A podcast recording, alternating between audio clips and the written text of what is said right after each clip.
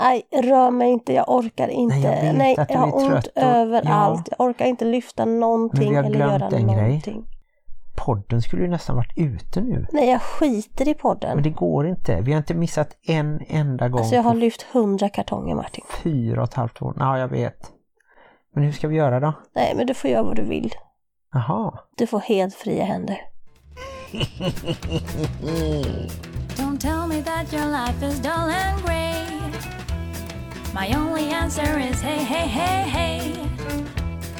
Let's go crazy in the wild, and if by chance we make a child, that just means that we're alive and healthy. Hej och välkomna till avsnitt 205 av Bonuspappan och Den dödströtta plusmamman. Men vi är ändå en podd om livet i en bonusfamilj med tyngdpunkt på föräldraskap och relationer. Och vi är ändå en podd som samarbetar med Hallands Nyheter som är dagstidningen här i Varberg och även i Falkenberg med omnejd. Och snart kommer vi få den i vår nya brevlåda här till Karlberg dit vi har flyttat med mycket om och men. Kan man säga så? Om och men. Ja, det var en fantastisk prestation tycker jag av oss och alla våra släktingar och kompisar som hjälpte till. Karlberg är ju en liten stadsdel eller ett litet område kan man säga i centrala Varberg. Det var en nära döden upplevelse. Jag trodde aldrig jag skulle överleva faktiskt. Nej, och vi har ju inte hunnit tänka så mycket på podden och därför kommer vi att slå rekord. Vi har aldrig spelat in så här tätt inpå att podden släpps och vi har aldrig spelat in så här kort heller. Nej, och vi har aldrig spelat in så här emot min vilja. Nej, men det kommer gå bra. Det vi egentligen ska göra nu när vi har berättat om flyttkaoset som ändå är på väg att lösa sig lite. Du har ju varit jätteduktig med köket till exempel. Packat upp väldigt många bananlådor. Jag vill aldrig mer se en banankartong i hela mitt liv. Eller en tidningspappersbit för den delen. Nej, så är det. Jo, Jag har trycksvärta in i märgen. vi tänkte då bjuda på två intressanta intervjuer som faktiskt har försvunnit från Spotify och iTunes och Acast och lite olika sådana där ställen. Och just nu kan man bara hitta dem på Castbox som är castbox.com. Och det beror då på att de här förstnämnda ställena bara visar de 150 senaste avsnitten. Och vi har gjort så hejdlöst många avsnitt. Hur kommer det sig att du ibland säger castbox och ibland säger castbox? Ja, det är för att jag är så dålig på engelska antagligen så att jag eh, växlar lite. Okej. Och sen så har jag ju inte ringt någon där och frågat hur de uttalar det. Nej. Det måste ju finnas någon chef. En castbox-chef. Eller en castbox-chef. Kan vara det också. Mm. Jo, så att vi börjar med en intervju med Nina Bengtsson, trebarnsmamma i Örgryte. Och hon ska berätta hur det är att leva i en bonusfamilj med väldigt speciella utmaningar. Och då gäller det psykisk ohälsa, alltså ADHD med självskadebeteende. Hon var ju med redan i avsnitt 26 och det var den 27 november 2017, typ tusen år sedan. Känns väldigt länge sedan. Men jag minns att det avsnittet blev väldigt bra lyssnat och vi fick in många brev. Det var nog på ett sätt det populäraste även om vi hade haft med en del kändisar redan tidigt. Då. Mm. Sen så ska ni få möta neuropsykologen Bo Heilskov Elven. Jag trodde du skulle säga den neurotiska Bo Heilskov. Ja, nej det tror jag inte att han är. Nej, han Det- var väldigt trevlig, jag minns det. Ja, jag tyckte han passade i hatt. Det minns jag. Jo, han eh, berättar bland annat att barn inte ska bestraffas och belönas. Man ska inte ha ett sådant system för att det förstör liksom barnens naturliga vilja att faktiskt samarbeta. Vad som också förstör barnens naturliga vilja att samarbeta, det är tjatiga bonusföräldrar. Ja, så kan det också vara. Mm. Men eh, det finns en tjatig bonusförälder som tänker nytt hus, nya regler. Ja, och så finns det en biologisk mamma som tänker nytt hus, lugn och ro. Ja, vi får se hur vi, hur vi löser det. Tillbaka lite till Bo Helskov Elven då som även lär oss att samverka med barn som har just ADHD eller krånglar för att vi liksom inte ger dem valmöjligheter som har en utväg. Ge dem glass, det funkar alltid. Ja, det tror jag inte han sa, men eh, ni får lyssna på det. Han var med i avsnitt 55 av podden och det är snart tre år sedan. Och så var han ju även med om att utarbeta den här metoden lågaffektivt bemötande som vi har pratat om. Och det är ju då för att inte ge en konflikt mer energi. Mm. Och det var efter det avsnittet som du utvecklade den här metoden LAPA. Lågaffektivt passivt aggressivt beteende. Ja, det är, är det en utveckling eller är det en inveckling? Jag tycker det är en förfärlig inveckling och en dålig utveckling av något som kunde vara bra, men som blir ganska jobbigt faktiskt. Mm. Det här passivt aggressiva fast i en lågaffektiv variant. Det är väldigt förvirrande. Mm. För det är ju på ett sätt redan passivt. Men när det görs då även utan känslor och utan liksom energi så är det... Fast det på ett aggressivt sätt. Det är en sån här underliggande aggressivitet.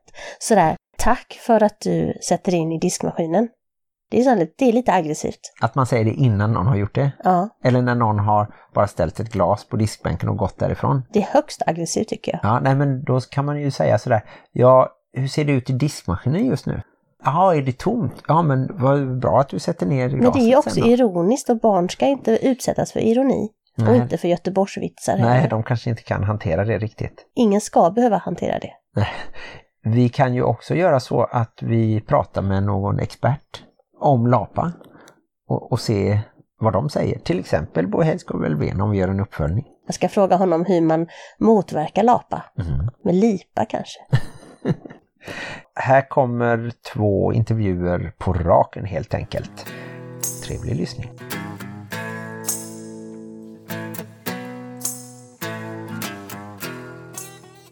Ja, hej Nina! Hej! Välkommen till Varberg. Tack så Vad mycket. roligt att du kom hit till oss. Du kan få presentera dig lite vad du heter och var du kommer ifrån. Mm. Nina Bengtsson heter jag. Född och uppvuxen i Uppsala. Mm. Bott i Göteborg i 30 år ungefär. Bor idag inne i centrala Göteborg, i Örgryte. Härligt. Och just nu så har du ju inga barn som bor hemma. Nej, just nu har jag inga hemmavarande barn. Men hur ser bonusfamiljen ut och hur har den sett ut ungefär? Den har sett ut så att eh, jag och min man har sex stycken barn. Eh, jag hade tre barn in i vår relation och han hade tre barn in i relationen. Och spannet åldersmässigt var mellan 8 och 15. Alla är Oj. födda väldigt tätt där. Ja, Jag så brukar tycka att mina barn är tätt. De är ju födda 2002, 2003, 2004. Mm. Men ni hade ju några till där som var... Nästan ett per år där ja. Ja, vi hade ett spann där ja. ja. Och temat nu är ju bonusfamiljer med särskilda utmaningar. Mm, Och det är ju i ditt fall då en av döttrarna mm, som har haft det jobbigt med en diagnos. mm, precis. Hon har alltså en, en ADHD-problematik i botten med kraftigt självskadebeteende som eh, vi har levt med. Vi var med i en stor eh, studie där man bara valde att titta på flickor med eh, psykiska funktionsnedsättningar. Då tittade den läkaren på, man hade 100 flickor som man studerade då. Så vi, hon följde oss mellan, från min dotter var fyra år upp till 18 års ålder. Oj, så pass ung. Ja, Märkte du tidigt eh, att det var någonting speciellt med din dotter? ja. Eh, Jag märkte det när hon var fyra månader gammal och vi fick diagnosen när hon var fyra år. Oj, det var en lång kamp ändå. Det var en lång kamp men eh, det var väldigt tydliga tecken kände jag och det var mycket som jag kände oro för när hon var så liten. Och Mm. eftersom jag hade ett barn sedan, sedan tidigare då så hade jag en annan referensram kanske. Mm, Mm. mm. Så att jag såg tecknen tydligt. Och sen fick du en dotter till ganska tätt inpå Sen fick där. jag, ja precis, det är ett och ett halvt år mellan dem bara. Mm. Och du lämnade din man eh, när barnen var... Ja, min minsta var tre år. Låter tufft. Så jag har varit eh, ensam och i kämpa alla för en diagnos och ha tre små barn och Mm, ensam. mm. Och pappan, eh, finns inte han med i bilden? Nej, han har inte funnits med överhuvudtaget Så eh, ni under har haft- hela barnens uppväxt. Utan jag har, Barnen på heltid då? vi har haft sex barn på heltid. Ja, din Så mans barn min, också ja. Ja, precis. Min man var enkeman när jag träffade honom. Okej. Så, Så det är han- lite ovanligt att ni har inte haft några andra biologiska föräldrar Nej, som har varit eh, aktiva. nej. Det måste finnas både fördelar och nackdelar med det. Att Ja, men eh, jag kanske i det här läget som vi har haft så skulle jag nog ändå säga att eh, fördelarna har nog kanske övervägt i just vårt fall Mm. faktiskt. Och bara, det har bara varit jag och min man att, eh, att bolla och ta ställning Mm. inför. Vi har inte behövt Mm. tagit hänsyn till några andra föräldrar. Men det är självklart det är stora nackdelar också med avlastning och sådana frågor. Ja, ni får inte den här klassiska varannan vecka Nej. andrummet som många bonusföräldrar Nej. får, eller bonusfamiljer. Nej, alltså det året som vi umgicks innan vi flyttade ihop hade vi ju mycket djupa, långa samtal kring vad det, alltså mitt perspektiv vad det innebär att flytta ihop också med en person med tre barn varav ett barn har väldigt speciella behov. Och där han kände att, eh, att han var ju mogen att anta den utmaningen och han kände att det här klarar jag. Mm. Eh, Vad man kanske inte visste då och, och naturligtvis svårt att förutse det är hur hans barn skulle klara av det. Mm, Att leva mm. med ett barn.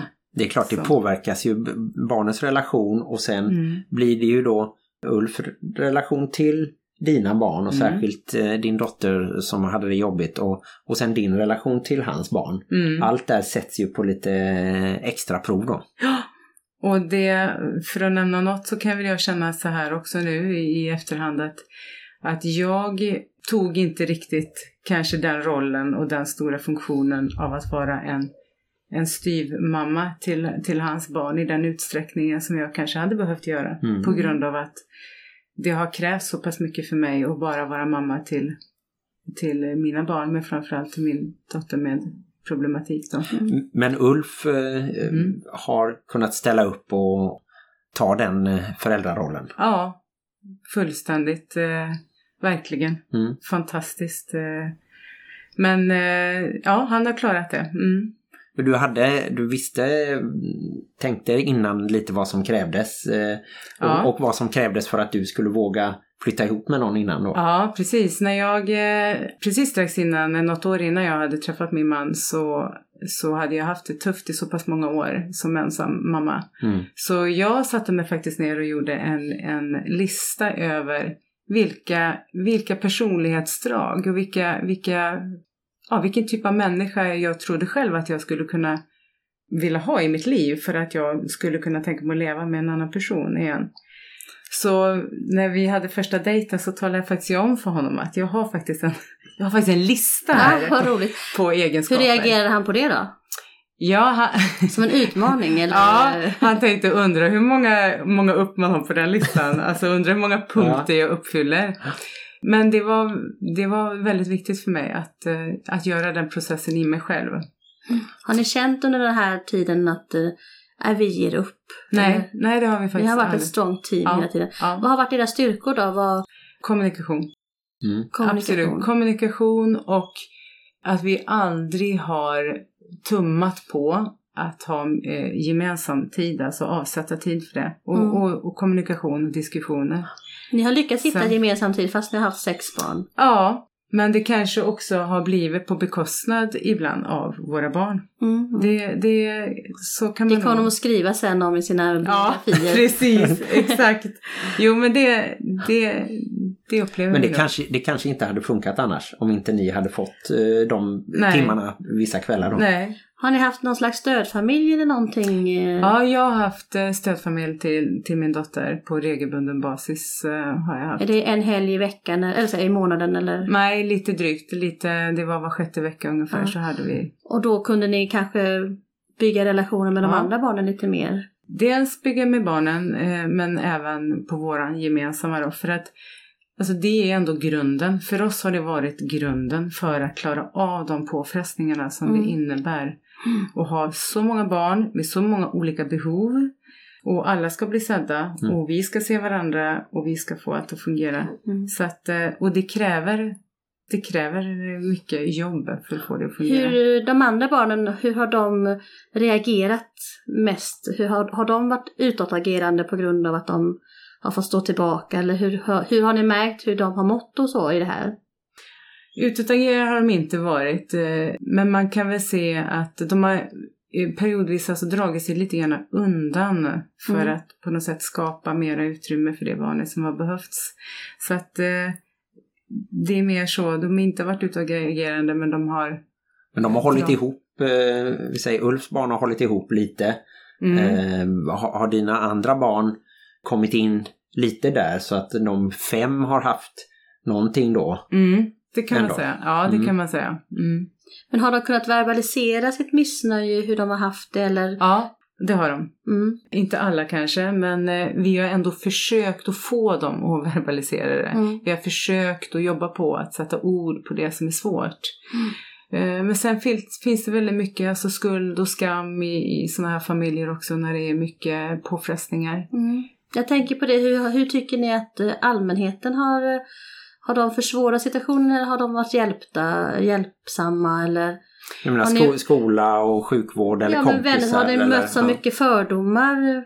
Och, Nej, alltså, jag, nej, det vill jag inte, faktiskt inte säga. Jag har fått enormt mycket stöd och hjälp eh, av både vård, skola och samhälle. Verkligen har jag fått det. jag Eh, tänker man kan bli, så här, Men det är mycket, det ligger mycket i en själv. Ja, eller precis. Man, varför gör hon sådär? Och, man möter ju mycket framförallt alltså ute, alltså när man är på restaurang, när man är ute på, på ICA Maxi och handlar eller i vardagen så. Mm. alltså folk som inte känner er. ja, ja. lekpark. Mm. i skolområde, allt där man ska, där man ska komma ihop och vara tillsammans. Mm. Och där är ju det som är det svåra med det psykisk ohälsa, att det syns ju inte på utsidan att, att man mår dåligt eller Mm. Nej. att man har det svårt. Att Tycker man du inte att vi kan... pratar för lite om det i samhället, det här med osynliga funktionshinder? Ja, för att det finns väldigt mycket skuld och skam och tabun kring psykisk ohälsa överhuvudtaget. Mm. Så det tycker jag absolut. Och där behöver man bli, tycker jag, lyfta de här frågorna och våga prata om det. Mm. Våga framförallt. prata Det är ju förstås samma i, i alla familjer men det är klart Mm. en bonusfamilj då som där man måste lära känna varandra eh, Mm. i lite, när barnen är lite äldre Mm. då eh, är det ju en extra påfrestning där förstås. Mm. Eh, Mm. Tänkte ni någon gång att alltså ni fortsätter relationen med att ni skulle bo särbo till exempel som en del tycker att man kan göra? Nej, nu när vi sitter och pratar om vårt liv idag och tittar bakåt på de åren som vi har levt tillsammans så känner jag att vår relation hade inte klarat av att vara särbo. Nej. Det hade den inte. Vad har de största utmaningarna varit? Jag skulle säga att det är min många gånger kanske oförmåga faktiskt till att vara en riktigt bra styvmamma hela vägen ut. Alltså jag har inte räckt till för min mans barn i alls lika stor utsträckning som han har funnits för mina barn. Och, och det är ju också någonting som, som har varit svårt att, att hantera. Du hade velat bygga jag- den relationen lite mer? Ja, absolut. Och jag hade ju velat orka funnits för hans barn i Mm. mycket högre utsträckning än vad jag har, har förmått faktiskt. För att det har gått så pass mycket kraft av mig till att, att klara av eh, min situation med min dotter då. Mm, mm. Så att det skulle jag säga. Och det, det är ju någonting, jag har ju försökt att prata mycket med hans barn under de här åren om mitt dilemma att inte riktigt hålla hela vägen ut. Och det har väl fallit i, i väldigt god jord så, men eh, idag får vi lyfta de här frågorna igen med, med våra ungdomar när de, när de börjar bli lite äldre. Just att eh, jag har faktiskt inte riktigt räckt till. Nej. Men det bor mycket i mig också. Och nu har de flyttat ut alla ungdomarna. Alla barn har flyttat Har de ut, ja. någon relation mellan varandra, bonusbarnen däremellan? Nej. Ingenting så? Nej. Men ni möts ibland kanske hemma? Ja, vi möts ju på gemensamma högtider och så. Men Mm. det är inte så att våra sex barn har några relationer till varandra. Våra Nej, barn är ganska de hör inte olika. av sig emellan. Nej, Nej. nej. det skulle jag inte säga. Men då har du och din man en liten ny erfarenhet nu att först ha haft väldigt mycket fokus på barnen förstår jag. Mm. Eller ett av barnen speciellt men Mm. det är klart ett, en familj med sex barn så är Mm. det. Och nu sitter ni ensamma. Nu sitter vi ensamma. ja, Ja. går in i en ny fas. Ja, verkligen. Men den fasen känns eh, väldigt skön att gå in i Mm. faktiskt. Eh, och det sticker jag inte under stolen med, utan det känns eh, som en helt ny fas man går in i. Och den i sig eh, har ju nu öppnat andra möjligheter, för det är, det är ju mycket så att hur har det här livet präglat mig som människa, som Mm. kvinna, som mamma, som individ och allting. Mm. Så att det är mycket sådana frågor som jag, eh, som jag tar reda på idag också. Hur har detta påverkat oss som människor, som familj? Och vem är du? Vem liksom? är jag? Vem har jag Ja. blivit? Efter Och, och vad ska du göra av den resten, andra halvan av eh, livet? Och, och, Precis. men så som jag tänker att man kan inte ställa de kraven att man ska eh, vara perfekt i alla avseenden som bonusförälder eller biologisk förälder. Och jag tror man alla förstår att man måste hjälpa den svagaste. Mm. Eller där det är akut om någon Mm. till och med inte vill leva ibland. Mm. Mm. Så måste man rädda den personen. Mm. Eh, och sen så tror jag att även som vuxna så kan barnen hamna i liknande situationer eller Mm. de kan förstå att jaha, var det därför Nina agerade som hon Mm. eller, eller inte riktigt såg oss eh, på samma sätt kanske. Mm. Så Mm. den, eh, men det är ju fint att du säger det jag, jag hoppas att du får den förståelsen tillbaka. Mm, mm. Men också, det är stora och svåra utmaningar att leva med en människa också som vill avsluta sitt liv. Mm. Som faktiskt är på botten. Det blir, måste bli väldigt stress att känna att man nästan får gå och vara orolig och rädd eh, Mm. för att det ska hända någonting. Ja, precis. Eh, Och den pressen lever ju vi med 24 timmar om dygnet. Mm. Och det formar ju också en som människa och som, som person. Det har väl nästan jämförts med att, att vara i en krigssituation Mm. och så komma hem och ha ett sånt här ett syndrom där man Mm. hela tiden är, är på helspänn nästan. Det är väl mycket något som jag jobbar med just nu. Hur har den här långvariga stressen, pressen, hur har det påverkat mig som människa? Det är någonting som jag undersöker väldigt mycket nu. Du behöver bra. tid att ställa om och liksom få Ja. en ny orientering. Ja, Och, och framförallt förstå vad det har gjort med den. Mm. Det är, eh, jag tror kanske att det är svårt att ta in det när man lever i sin vardag, när man bara ska få vardagen att fungera. Eh, Alla, och att tillgodose sex barns behov plus våra behov som är par också. Mm. Vad tycker du? Jag tänker passa på att ge Uffe en eloge här, Ja, vad han har gjort. Ja, han ska ha den största medaljen. bra. Han är ju en väldigt eh, förankrad person i sig själv. Han är väldigt trygg och han är stabil. Och eh, han är kommunikativ. Och har en väldigt stor förståelse för att människor är olika. Och det har vi pratat mycket om i vår relation just att han framförallt har fått en ökad förståelse. Att alla tänker inte och fungerar inte som honom eller Mm. som oss. Så det man ser hos en människa, det är inte alltid det man ser. Alltså vad är, vad är bakom den personen? Mm. Så när man ser en person som uppträder annorlunda, som är annorlunda, att man inte bara dömer en människa utan att det finns, kan finnas bakomliggande orsaker till ett väldigt annorlunda beteende. Ja, det tycker jag är jätteviktigt att komma ihåg. och det Ja. måste ju vara starkt att man får inte glömma då att eh, han har en säkert jättesvår situation bakom sig. Mm, Att eh, eh, hans hustru, mamman till hans barn, mm, dör. mm, Och att gå vidare med det och ändå sen kunna släppa in eh, en ny kvinna och en ny familj Mm. i sitt liv eh, och ta det ansvaret eh, tycker jag det låter som att det är fantastiskt bra gjort.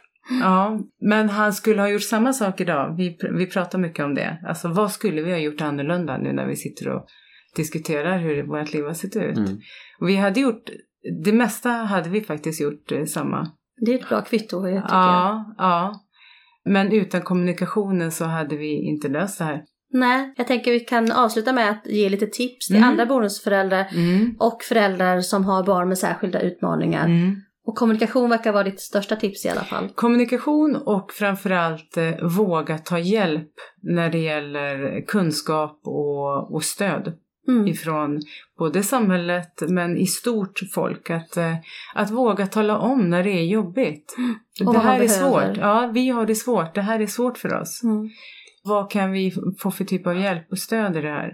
Men framförallt att våga tala om att det är tufft. Mm. Att inte vara så rädd för det. alltså det här tänket som vi gärna har idag också att du är normal, du är inte normal, ja, Mm. du är onormal, du är diagnos, du är inte diagnos. Alltså hela det här spektrat, vem är det som sätter, Sätter normen, ja. Eh, Det tycker jag är jätteviktiga frågor att lyfta och våga, våga prata om. För de har ju väldiga styrkor också. Och det är lätt att de kommer i kölvattnet. Ja, just det, precis. Barnens, de har, de har vissa funktionsnedsättningar, visst. Och de, ofta så ligger man ju ganska mycket efter rent i den mentala åldern. Så att jag kan inte likställa en flicka i min dotters ålder med en annan flicka i samma ålder. Utan det är ett otroligt stort mentalt spann Mm. i vårt fall. Men Ja. samtidigt, hon har ju gett er helt unika erfarenheter. Och eran kärlek är ju lika stor tillbaka alltid. Ja. Så det går ju inte, och det går ju aldrig att vrida klockan tillbaka som du säger, utan din dotter som person Ja. är ju fortfarande unik och värdefull. Så att, eh, Verkligen, verkligen. Och sen också att våga, att våga tala om att så här ser det ut i vår familj. Mm. Alltså det är varken bättre eller sämre. Men man ska inte skämmas för de barnen som man har fått som gåvor i sitt liv. och det tycker jag, det visar ju du när du kommer hem till oss här och berättar så här fint om, om din eh, bonusfamilj. Och jag hoppas att lyssnarna känner det också. De har fått en liten inblick i en ovanlig situation. Mm. Men kan Men de... också mycket hopp att eh, ni har gått igenom det, ni klarade det, er relation klarade det. Och Då kan vi sitta här med våra ilandsproblem och tycka att åh nej, hur ska vi både hinna träna och, och Mm. laga bilen och, och skjutsa barn och Mm. eh, fixa läxor. Det är ju små saker jämfört med att ni har klarat av er situation. Ja. tack Nina för att du kom. Tack så Och, hemskt mycket för eh, att jag fick komma. och Ja, fick och jag hoppas detta. att det ska leda till att fler vågar prata om, om problem som finns på insidan. Mm.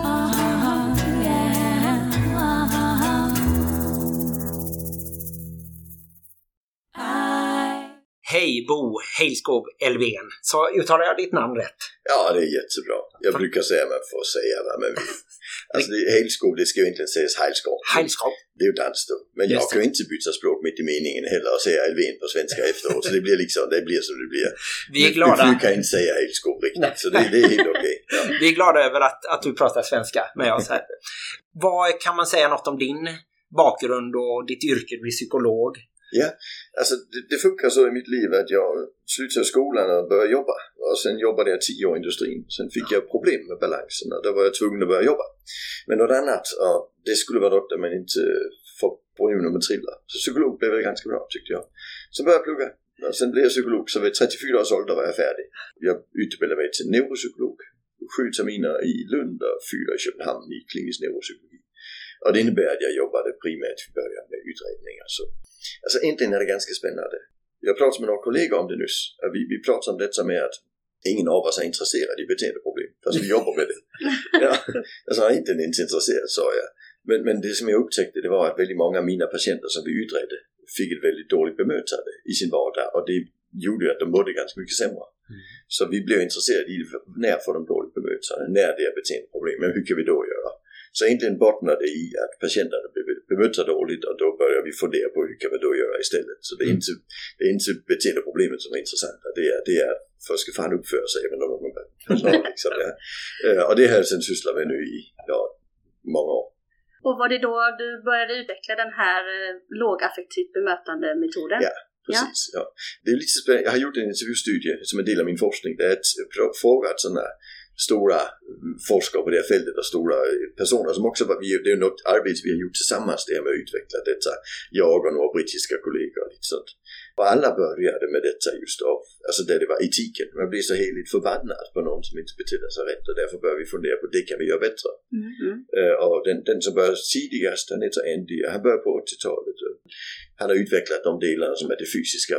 Alltså vad gör vi när folk kastar med möbler och sådana här saker.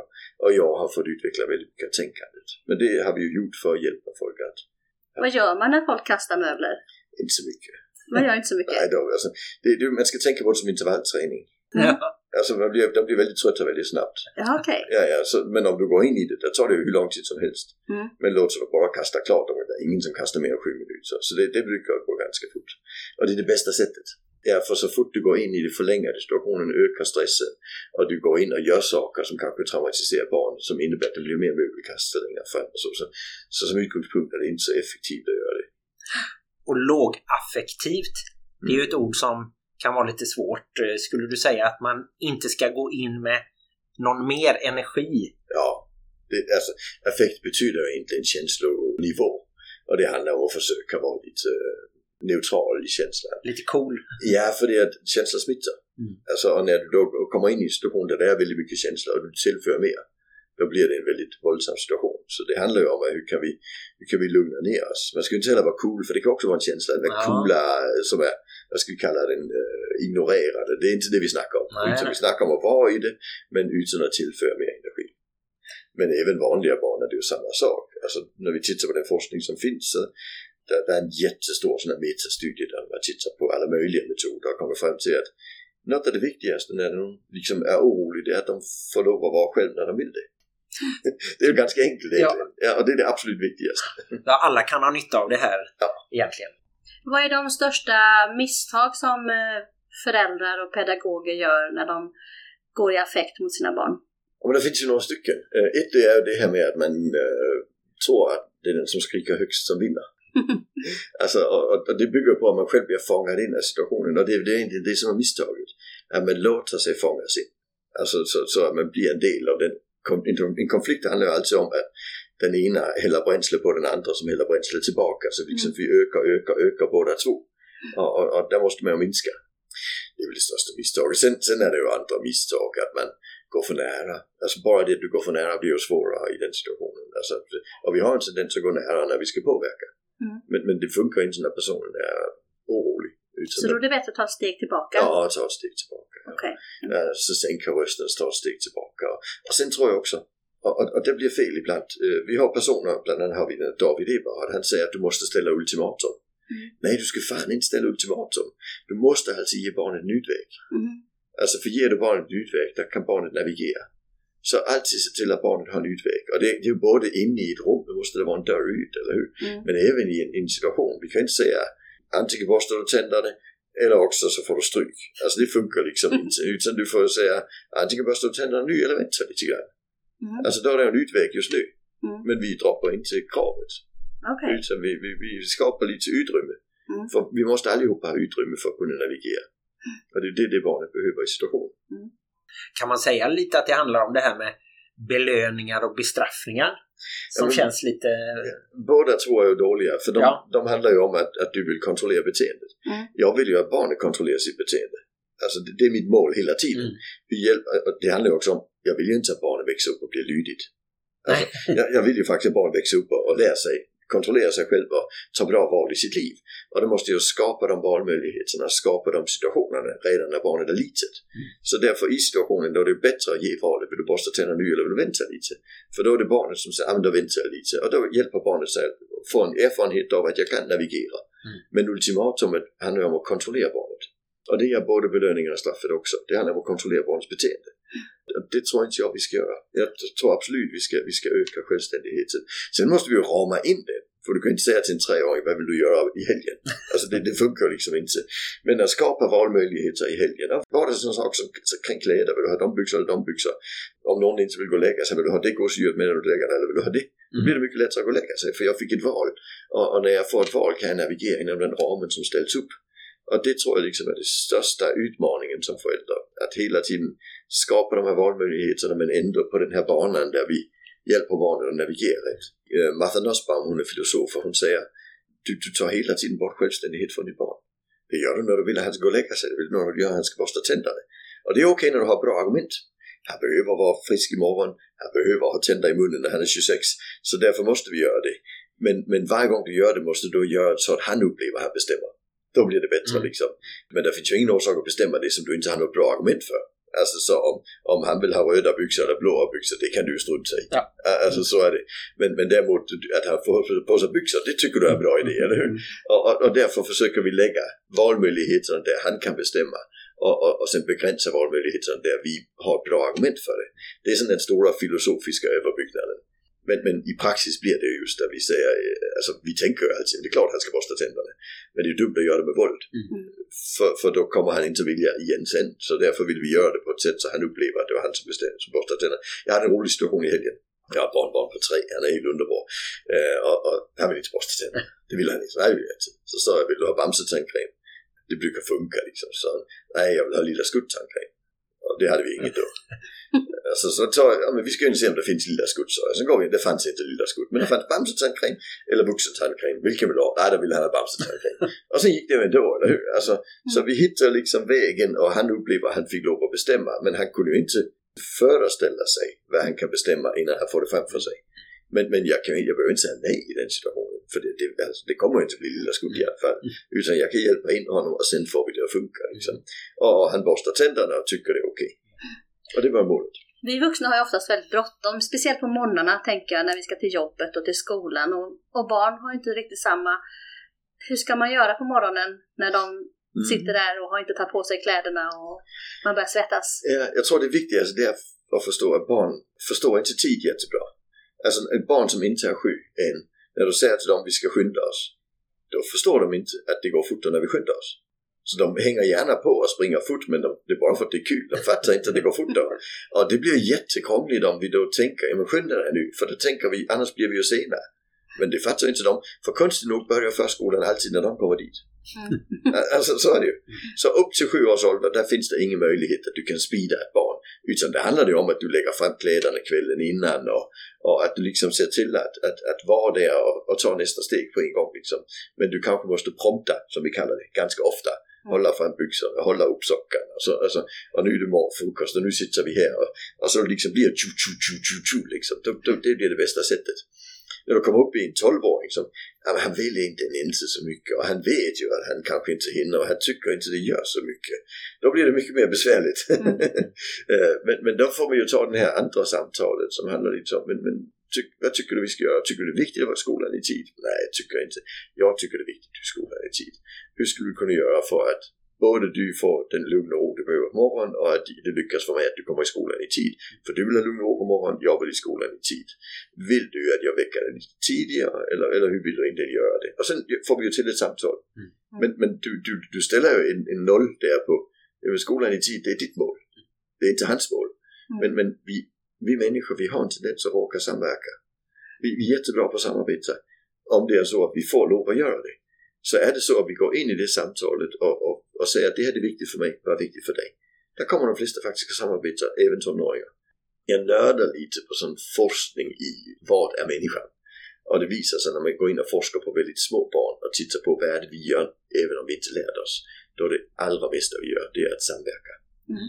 Alltså barn på Alltså barn delar med sig när de är 10 månader gamla, det har de inte lärt sig. Lär du dem det gör de det mindre, säger forskningen till och med. Det är faktiskt ganska spännande. Men, men, men de gör det mer om de bara får göra, för det, det, är en, det är en grundläggande mänsklig egenskap. Och, och den kan du sabba med belöningar och straff. Mm. Alltså det, det är det som händer. Det finns studier som har visat att uh, alltså, där sitter en forskare och skriver med penna. Uh, det, det är en studie av, uh, jag tror det är Warnecke och Tomasello. Det kom 2014. Om du sitter och skriver med penna och så kommer det ett barn in som är 20 månader gammalt. De är ganska små. Sen tappar eh, forskaren pennan. Där går de allra flesta barn fram och ger, samlar upp pennan och ger till forskaren. Sen gör hon det fem gånger. När hon har gjort det fem gånger då börjar hon belöna barnen när hon får pennan. Och sen efter fem gånger med belöning så säger hon jag har inga fler belöningar. Då lägger barnet av och hjälper henne. Mm. Men om hon bara tappar den tio gånger då hjälper det också det elfte gången. Så belöningen sabbar sam, sam, eh, den här samarbetsförmågan. Det är väldigt spännande för jag, våran minsta, i hennes klass är det mycket belöningar. Mm. Det, var, det lutade lite åt straff också någon gång, att Mm. om de inte gjorde det så fick de inte. Det blir väldigt Någonting. så, ja precis. Och sen så har de, de samlar dem, de har varit duktiga hela veckan så får de en överraskning på fredagen. Mm. Och jag har tyckt att det har känts lite sådär Ja, för, de, obehagligt för barn vill ju faktiskt vara duktiga. Vi behöver inte hålla på med detta. Nej, och, och sen är problemet, om, om de då upplever att det de får inte tillräckligt mycket, Mm. ja, då blir det ju fingrat liksom. Alltså, nej, då får det vara, då kan jag göra som jag vill. Mm. Och sen har vi ju tagit bort den här sociala eh, aspekten som både är positiv, alltså som handlar om att vi vill hjälpa varandra, men också skammen som också är en kraftfull faktor. Alltså när jag vill inte skämmas, jag vill inte vara utanför. De tar vi ju bort också med det. Så jag tycker det, det, det tycker inte jag är vettigt. Nej. Alltså, och, och där tänker jag just den situationen med tonåringen. Har vi klarat en barndom utan de här genvägarna till snabba effekter som vi sen inte blir långvägseffekter.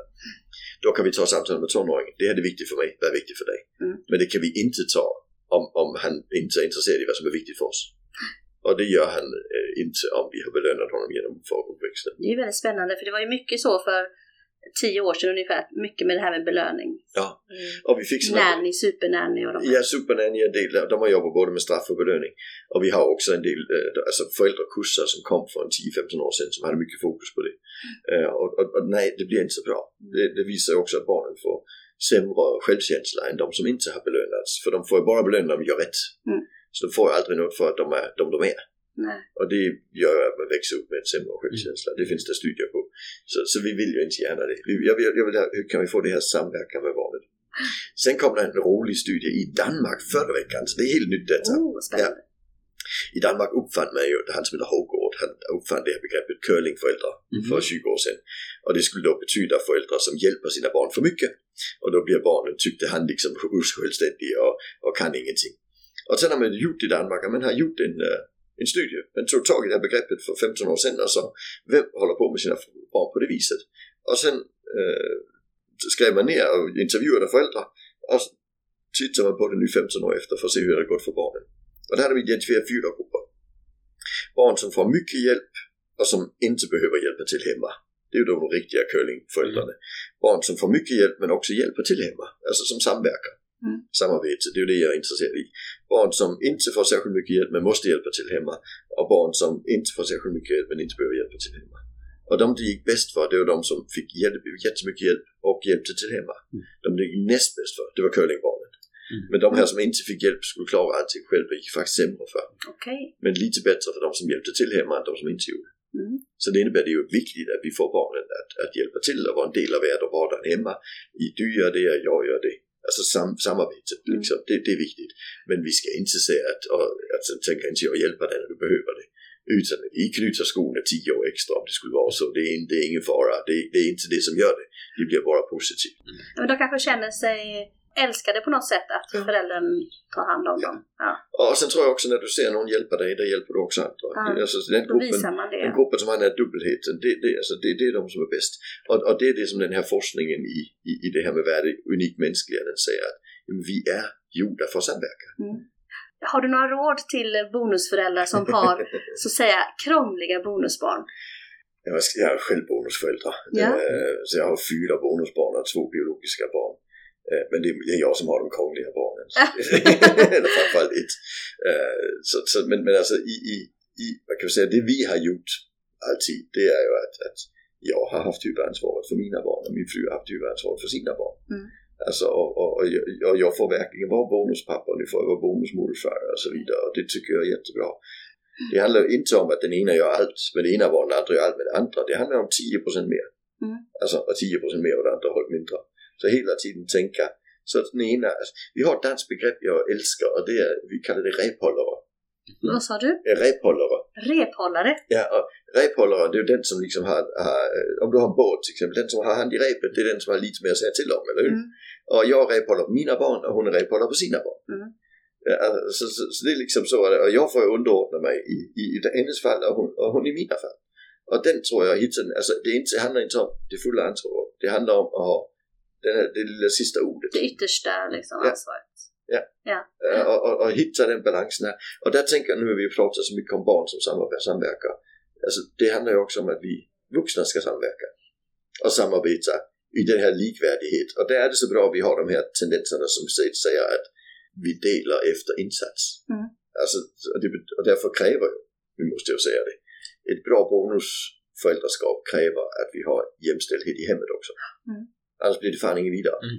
Alltså för är det så att vi gör varsitt lika mycket hemma, då har du också respekt för den andras åsikter kring detta. Det kanske inte du har annars. Så jag tror det är, det är två saker i det. Både få till den här, den här samverkan i hemmet och få till samverkan kring barnen. Så har- fick vi en fråga, hur bemöter man sitt bonusbarn utan att gå in för mycket i uppfostran och regler men ändå ge struktur och ramar? Jag tycker det är viktigt att säga att, att just uppfostrande regler och strukturer och ramar, det, man, det kan ju vara samma sak, men det behöver inte vara det. Nej. Eh, strukturer och ramar handlar ju om i förväg. Medan fostran, där tänker vi ofta i efterhand. Vi tänker gränssättning och så vidare. Eh, och jag tycker som bonusförälder att det är viktigt att vi skapar ramen. Det här, så funkar det hemma hos oss. Där äter vi där, där går man upp där, där gör vi så här. När sen det inte funkar för bonusbarnet, ja, då, då måste vi ju säga vad var det som inte funkade? Ja, är det ett väldigt litet barn kan barnet inte svara. Eh, alltså, men, men då är det ju sällan ett problem som bonusförälder. Problemet det uppstår när barnet vet att du är bonusförälder. och, och där får man ju gå in och säga, ja, alltså, vi har de här ramarna hemma. Alltså, så är det. Och nu blev det inte så bra. Vad, vad, vad hände? I och med att vi tar den här, vad hände? Då kan barnet ju säga, jag tycker faktiskt inte så. Så säger man, ska vi ändra på ramarna eller är de bra som de är? De flesta barn skulle säga att de är bra som de är. Bara jag ibland inte behöver följa dem 100%. Och där kan vi säga, men det, det är helt okej för mig. Alltså, så är det. Men, men det vi tänker strukturer handlar om i förväg. Det handlar om, det här är vad jag förväntar mig av dig. Och kan du leva upp till det jättebra. Kan du inte leva upp till det, då måste jag ändra det. Och, och, och vill du inte leva upp till det, då måste vi titta på vad det är du inte kan. Alltså, det låter lite konstigt men jag brukar göra ett sånt här litet eh, experiment med folk. Eh, och, och, och, så ber dem vinka. Och, de flesta de kan ju vinka. Och jag, ja men då hade jag inte för höga förväntningar på dig. Men så ber de ta av sig alla kläder och det kan folk tydligen inte. Och det blir jag väldigt överraskad över för folk duschar ju varje dag så de måste ju kunna det, eller hur? Men de kan ju kanske inte tillsammans med mig så här bara för att jag ber dem.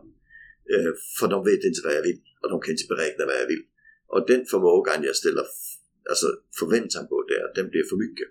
Och där tänker jag att i många av de regler och ramar vi ställer upp, då måste vi säkra oss att barnet kan allting i detta. Mm. Alltså inte bara, jamen han kan knyta sina skor. Ja, det är mycket möjligt han kan. Men, men inte i alla situationer, inte alltid. Så, så där kan vi inte ha en regel som att du ska knyta dina skor. Utan det kan du när du kan, och när du inte kan så måste vi göra någonting annat, eller hur? Mm. Så hela tiden tänka efter vad funkar, vad funkar inte. Och sen kan vi ändra den ramen.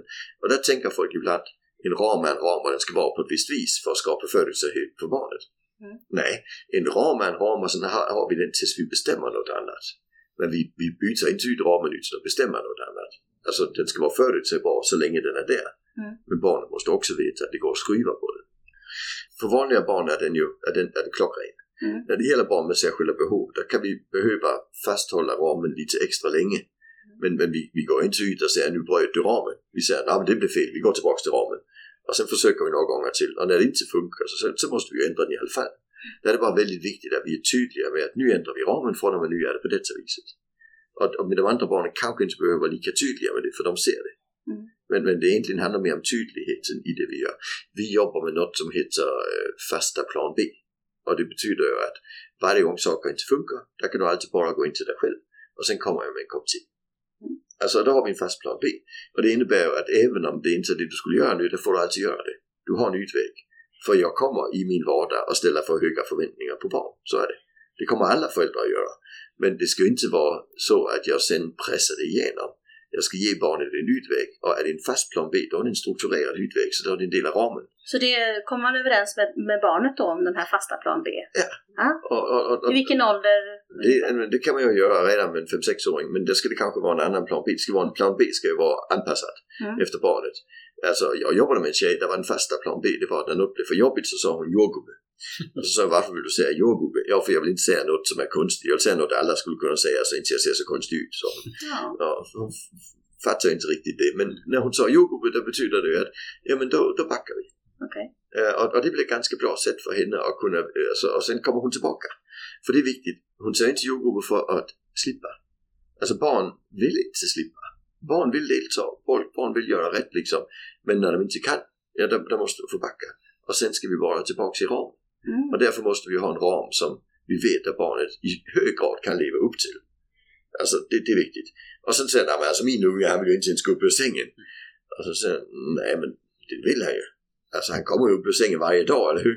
Ja, inte alla dagar på helgerna. Nej, för han är 14 år gammal. Alltså så är det. Men, men det handlar inte om att han är lat. Det handlar om att det ger mening att vara i sängen jämfört med inte vara i sängen. Och, och där ska vi kanske ta reda på vad är en lagom ram för en 14-åring. Det kanske inte är att han ska upp klockan åtta lördag förmiddag och att han måste sitta med och göra melodikrysset. Det är inte alla 14-åringar som tycker det är roligt, eller hur? Utan vi kanske måste ta reda på, ja men hur ska vi då göra? Vad tycker du är viktigt? Hur vill du ha det? Jag tycker detta är viktigt, det är viktigt för mig. Men om du tycker något annat är viktigt, då kanske vi får plats med båda och då är vi tillbaka till det samtalet, Mm. eller hur? Så, så det är hela tiden det vi ska vara i som föräldrar. Jag tänker ju att det kan bli svårt när man då har två familjer, om man lever i bonusfamilj och den andra familjen har en helt annan ram. Så Mm. varannan vecka så får barnen göra vissa saker och sen så nästa vecka så är de tillbaka. Att det blir jobbigt för barnen. Det tror inte jag. Nej. Nej. och orsaken till att jag inte tror det, det är att jag tror barn är ganska bra på, jag ser till och med barn med särskilda behov kan detta. Men de kommer alltid att försöka använda det. Och där är det ett problem om vi har den här tanken, vi tänker, ja men det är för att det är olika. Och tänk om vi har dåligt samvete för att, att vi inte lyckas. Eller tänk om vi tycker den andra gamla föräldern är en jävla idiot. För då kommer vi att säga, ja men det är för dåligt det är så här. Och, och, så det handlar om att barnet använder de verktygen som finns för att få en bra kontakt för oss. Då kan det bli ett jättebra verktyg. Och, och, och det vill vi ju inte. Alltså bara vi vet, att så är det här hos oss, så är det där. Om vi bara säger det, då är det inga problem. Det är som med orättvisa. Om, om ett barn säger det är jätteorättvist. Ja, jag, har, jag har barn med särskilda behov och sen har jag barn utan också. Och så säger Mattias, varför får Sofia alltid sitta fram i bilen? Ja, det att hon behöver det. Jag vill också sitta fram i bilen. Ja men det är bra, då får du börja bitas när du sitter i baksätet. Då får du också sitta fram i bilen. Ja det vill han inte. Alltså, men, men, men jag håller ju inte på att säga men då får du sitta fram ibland för jag vill ha det någon rättvisetanke. Det funkar inte. För då kommer han liksom och nötar och fixar och donar. Alltså för där, där tappar han lite förutsägbarhet. Och, och, och, och man är ju dum om inte man använder det, eller hur? Och han är ju inte dum. Men om jag bara säger, men alltså det är inte rättvist. Och så hade jag trott det var rättvist där i världen. Nej, nej, nej. Så här funkar det. Att de som sitter fram, det är de som blir tillbakasätet. Vill du det? Nej, det vill han inte. Nej, han är ändå minst, han visste att han skulle inte vinna det kriget. Men, men han var nöjd med svaret. Och så tänker jag också där. Varför får jag hemma hos pappa när jag inte får hos mamma? Ja, men det är något pappa bestämmer här. Det är jag som bestämmer. Och så här ser det ut hemma hos oss. Men jag vill också. Ja, men det är det viktigt för mig. Så, så det, det, det är ramen här. Jag hade en fråga om det, om du trodde att barn med särskilda behov hade större svårigheter med det här varannan vecka-livet. Det finns ju många varannan vecka-liv. Mm. Det är inte bara ett. Det är inte alla, det är inte allihopa som byter på måndagar. Nej. Alltså och när det är små barn byter vi ju flera gånger i veckan också för att Mm. det ska vara äh, vettigt liksom. Eh, Jag skulle säga det så att vi måste ju anpassa det varannan vecka-liv efter alla barn. Mm. Och, och så jag vill inte säga att vi kan säga att jamen, det är bara alla barn kan göra på, på ett visst vis. För då kommer ju de här barnen som är skröpliga att inte klara det lika bra. Men gör vi det på ett bra vis, då kommer de ju att klara sig också. Mm. Men det är ju det är mer stress i deras liv om de ska byta. Mm. Och det innebär att vi måste minska annan stress. Alltså det funkar så i människor. Det gör ingenting att du är stressad i en del av livet om du inte gör det i alla delar av livet.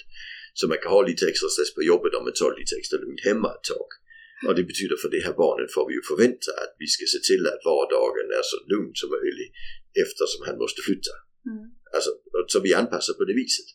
För, för det som är svårt för en del av NPF-barnen det är ju skiften. Så Många inte föräldrar är ju mitt- tvärtom. eh, När det är varannan vecka och så. Att när, när barnen kommer så blir det väldigt mycket. Att de ska Ja. göra väldigt mycket eh, Mm. just den veckan. Sen blir det samma sak hos den andra föräldern. Att de ska göra väldigt mycket. Mm. Så om jag tolkar det rätt så tycker du att man kanske ska lugna ner sig lite. Ja, Ja. alltså när, när barnen har särskilda behov så är skiften svåra. Mm. Och, så det är inte det att vara hos den ena eller vara hos den andra som är svårt, det är det att skifta. Och det betyder kanske att efter varje skifte så har vi två dagar där vi tar det lite lugnare och sen kan vi göra lite roliga grejer de sista dagarna.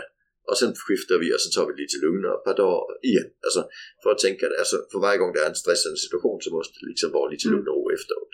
Så man kan återhämta sig. Men, men så tänker jag det finns barn utan särskilda behov som Mm. behöver också. Mm. Så det handlar egentligen om att säga vad, vad är svårt för det här barnet. Och, och det att skifta är svårt för en del barn. Så är det. Och då kanske det inte är nödvändigt då heller att ha den här, det ska vara sju dagar hos mamma, sju dagar hos pappa, utan mer anpassa för olika barn. Ja, och, och även anpassa under en barndom. Alltså, tänker jag, jag tycker inte det är något konstigt i att, att, att det är lite olika. Alltså, eh, mina barn har mest bott hos mig. Det har varit li, lite grann så det var, det var inte mycket. Alltså, sen bodde deras mamma i Holland och sen var de där nere en vecka på sommaren och lite nere på julen och så bodde de hos mig. Och det funkar också liksom. Men det gäller att jag ser till att de är så mycket hos henne som är nödvändigt och som hon tycker och de tycker är bra. Mm. Och att jag ser till att det funkar hos mig. Så att ingen börjar bråka om det för då blir det besvärligt. Men om båda är öppna för att vara bäst just nu där kommer vi ju att göra anpassning. Det gör vi på sommaren också, eller hur? Alltså, Mm. oftast tre veckor där, tre veckor där istället för att ha varannan vecka stenhårt, för det blir oftast bättre. Så det här med att tänka, vad funkar bäst och vad funkar där? Och där tror jag det viktigaste är att vi tar våran gamla konflikt ur detta, Mm. föräldrarna emellan.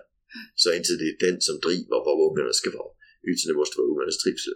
Och där kan det vara barn där det funkar bäst med morgnarna och komma iväg till skolan hos den ena föräldern och då är de mer på helgerna hos den andra föräldern. Mm. Alltså så kan det vara till exempel. Och NPF är ju en sammanfattning kan man säga. Mm. Vad skulle du säga är de vanligaste man räknar in? ADHD, autism. Det är de två stora, sen Mm. är det ju Tourettes syndrom och, och vi räknar även in OCD, alltså Mm. tvångssyndrom i, i Mm. detta. Och, och sen, jag tycker det är mycket bredare. Idag pratar vi om att, att det är en del barn som har svårigheter på olika sätt. Mm. Och det kallar vi med ett fint ord essence. Eh, och essence barn, det är ju då alla de vi kallar NP förut, Mm. men också lite till som har ganska mycket drag av detta. Mm. Men där kanske inte uppfyller kriterierna för en diagnos. Mm. Och, och, och så kan jag tycka också att det, det, det är den här, alltså det är ju inte så att antingen har man autism eller inte. Alltså antingen har man autismdiagnos eller inte autismdiagnos. Men det finns ju en del av oss som har en del autismdrag, Mm. men som klarar livet ändå. Och de kan också, de barnen behöver lite mer förutsägbarhet för att må riktigt bra. Men de klarar sig kanske i livet ändå liksom. Och, och där måste vi ju tänka hela tiden. Och där är essensbegreppet lite bättre egentligen. För det är ju väldigt diagnoshets i skolan. Alltså att Ja, Skolorna ställer inte riktigt upp på att hjälpa barn om de inte har fått en diagnos, i Ja. min uppfattning. Och, och, och det, det är ju ett tänk som vi försöker komma bort ifrån. När vi tittar på de här diagnosmanualerna, där blir de för varje, varje gång vi får en ny revision, då blir de mer och mer sådär breda istället och säger att vi ska diskutera det i förhållande till att han har svårigheter, inte han har precis den diagnosen. Eh, Och det handlar ju om att, att, att vi vill bort från det här att, att en viss diagnos utlöser viss hjälp. Eh, Det, det konstigaste jag har varit med om det var ju en, eh, en medicinstuderande på läkarlinjen som hade en autismdiagnos och sen ville han ha mentorstöd. Och sen sa kommunen, ja men enligt LSS kan du få en daglig verksamhet. Men du kan inte få mentorstöd till universitetsstudier. Alltså det är ju så jävla korkat. Alltså för han var ju jättehögt fungerande. Men han behövde hjälp till att, att navigera i materialet. Mm.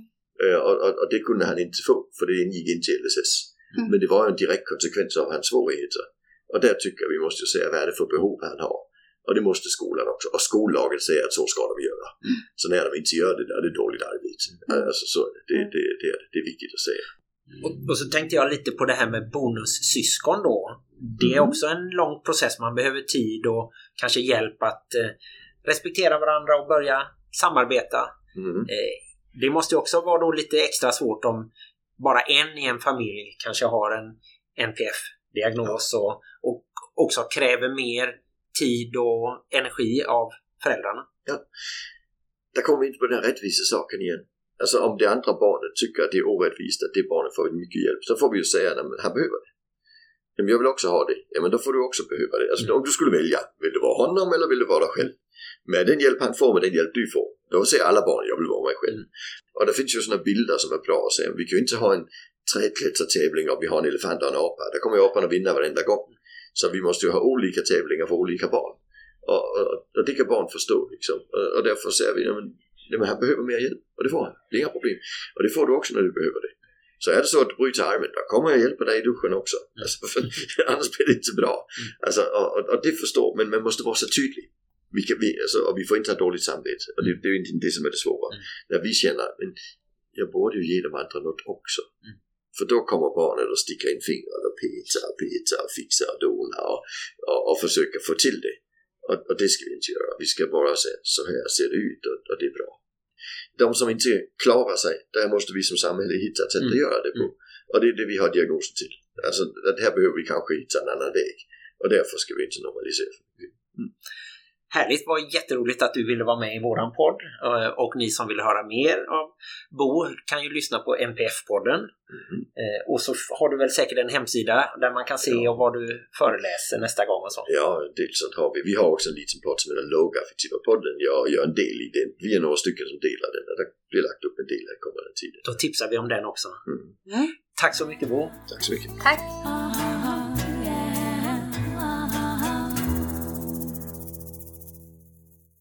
Ja, då tackar vi både Nina Bengtsson och Bo Heilskov Elven. Och så ska vi då försöka ha en kort avslutning, kanske med en high and low. Vad tror du om det? Har inte vi börjat köra high and high? Ja, men nu passar det nog med high and low ändå. Vi kan tacka mig också för att jag gjorde detta.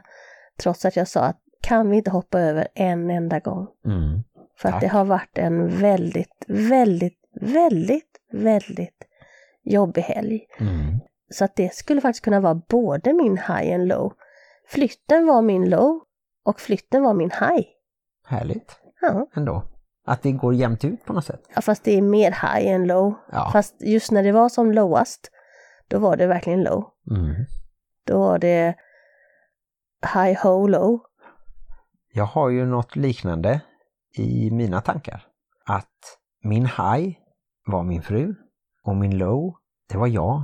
När jag bröt ihop där när vi hade vinden och vårat sovrum kvar.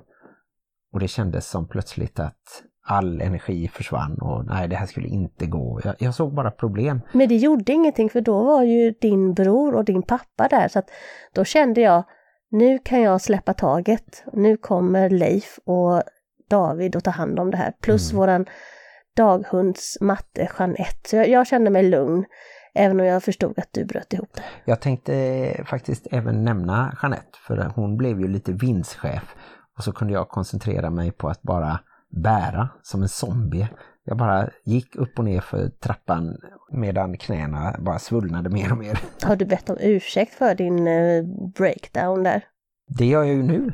Ja, men, men okej. var det till någon speciell person? Nej, jag tänkte till de närvarande människorna. Eller till din fru kanske. Jag har ju pratat med dem allihopa och eh, vi kan ju säga att det blev en fantastisk söndag med ett trippelkalas. Det har vi ju redan nämnt att vi skulle ha och det blev så lyckat som vi hade hoppats. Och det tyckte även de som var här. Mm.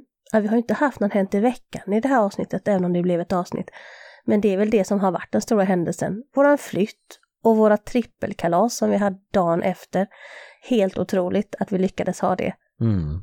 Men det var väldigt mysigt och eh, både gammal och ung var med kan man säga. Ja. Och i två avdelningar eftersom det är corona så hade vi först din bror och kompani och sen min bror och kompani.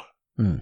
Och vi fick ju väldigt god hjälp av eh, svägerskan Eva som gjorde sådana fina, fina tårtor. Mm. Som var väldigt goda också. Mm, och hade alla namnen på också. Helle som fyllde 11, Kevin som fyllde 15 och Lycke som snart fyller 18. Just det. Det blev eh, väldigt lyckat för alla i alla fall. Och eh, nu innan vi säger hejdå så tänker vi upprepa det som vi alltid upprepar, nämligen att ni kan nå oss på våra sociala medier. Vi finns på Instagram, bonuspappan.plusmamman och på Facebook, bonuspappan och plusmamman. Ja, vi har knappt funnits där nu på ett tag eftersom vi har haft så mycket att göra, men vi finns där ändå. Och man kan också mejla till oss på bonuspappan.plusmamman gmail.com. Mm. Och vi har ju våran eh, Bonusfamiljernas diskussionsgrupp på Facebook. Där kan man lägga ut inlägg. Men man kan även skicka till oss på PM en fråga som vi sen lägger ut anonymt om man vill känna att man bara vill ha lite reaktioner utan att avslöja något. Det funkar väldigt bra faktiskt. Och sist men inte minst så finns vi ju på Clubhouse, den nya appen där man kan samtala med hela världen faktiskt. Och där har vi bonusfamiljsnack på söndagar klockan 9 på morgonen och onsdagar klockan 19 på kvällen då. Och då brukar vi ha med en gäst. Vet du vem vi ska ha nästa vecka? Knappt, men någon är det. Vi får se, ni får lyssna imorgon kväll om ni hör podden idag på tisdag när den kommer ut. Och glöm inte att livet i bonusfamiljen kan vara besvärligt. Men också härligt. Hej då! En flytt kan vara besvärlig men också härlig. Ja, den kommer bli härlig och huset är redan härligt. Alltså själva flytten var bara besvärlig. Mm. Men att bo här är härligt. Jag tror att det blir eh, ett lyft för hela våran bonusfamilj. Nu ska jag sova. Godnatt! Godnatt.